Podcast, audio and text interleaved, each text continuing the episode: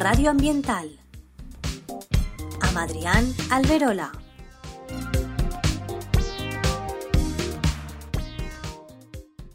Hola a tots i benvinguts una altra setmana a Ràdio Natura. Avui xerrarem també dels plàstics, però eh, en positiu.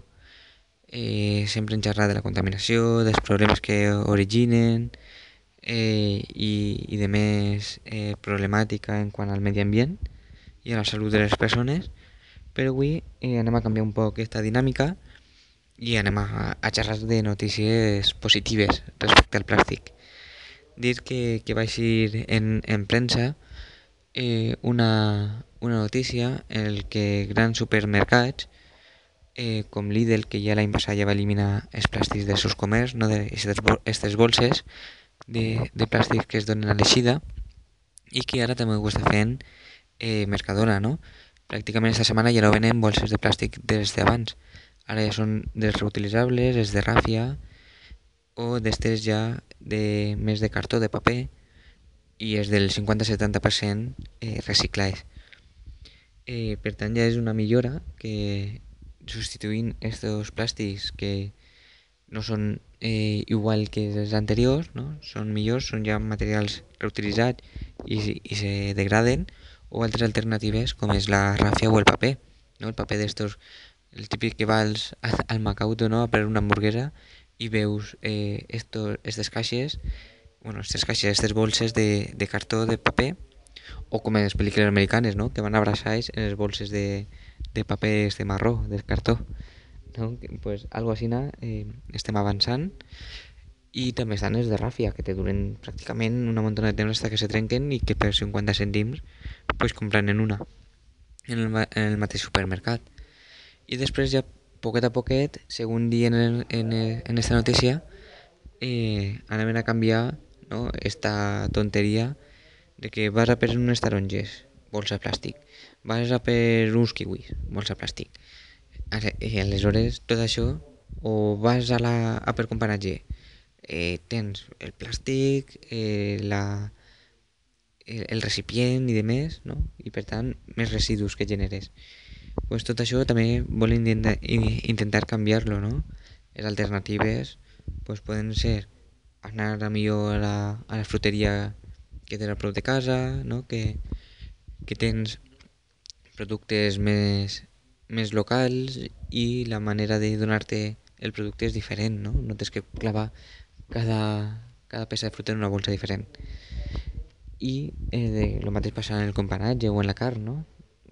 t'ho posen en paper, eh, envoltat en, en paper, que després ja ho claves en la nevera i se manté inclús millor, o com el pa, no? que en la bolsa de, de plàstic se perd més que, que en la bolsa de tela, per exemple.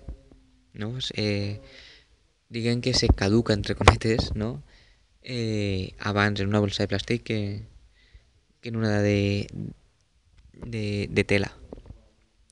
Per tant, eh, amb aquesta direcció no, d'anar canviant alguns hàbits i de més, pues, també s'estan inventant o s'estan descobrint altres alternatives al plàstic tradicional. No? Sobretot de com eh, obtindre el recurs natural per a poder eh, fer estos polímers de plàstic més, no? més ecològics, per dir-ho d'alguna forma i per tant he vist una, eh, buscant així veient aquesta notícia i llevant-me a altra no? eh, una notícia de que els plàstics se poden fer, bueno, han descobert una proteïna que ve des, des dents de dels calamars, no? d'un aro de dents que tenen els calamars per a menjar i de més i per succionar les presses que eh, pot eh, servir com a alternativa a més sintètica, no? No fa falta eh, matar ningú animal, no? Ni, ni sacar-li els dents, sinó que a partir d'aquestes dents eh, han obtingut una proteïna i la poden fer sintèticament. No fa falta ni cultivar calamars, no? ni sobreexplotar-los, ni matar-los, ni, ni res. A partir d'aquest descobriment no? de la proteïna dels quixals, del, dels dents de, del calamar, han puc sacar una proteïna que ara la podem fer sintèticament i és prou, prou barata. Aleshores, a partir d'aquesta proteïna poden fer biopolímers que eh, poden, poden substituir al, al plàstic. Tenen eh, inclús altres propietats que poden millorar eh, el plàstic tradicional i eh, no se necessita un gran recurs ni una forta inversió per a eh, poder obtindre'l. No és com el plàstic que s'utilitza del petroli i, i tal, i per tant pues no és, eh, és més assequible.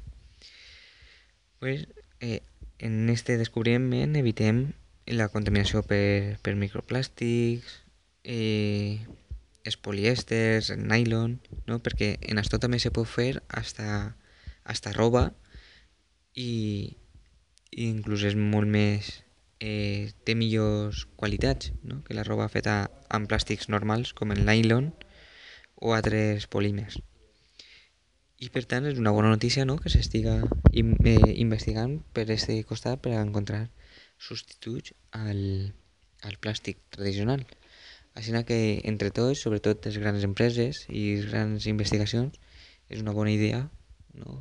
i una gran notícia que veiem per aquestes vies i per tant puguem encontrar solucions al plàstic i la seva contaminació que després poquet a poquet anirem eliminant del medi natural i eh, ja no anem a generar més d'aquest tipus.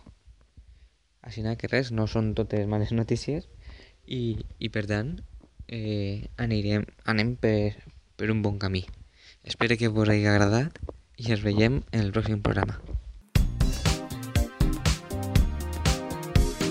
Radio Ambiental amb Adrián Alberola.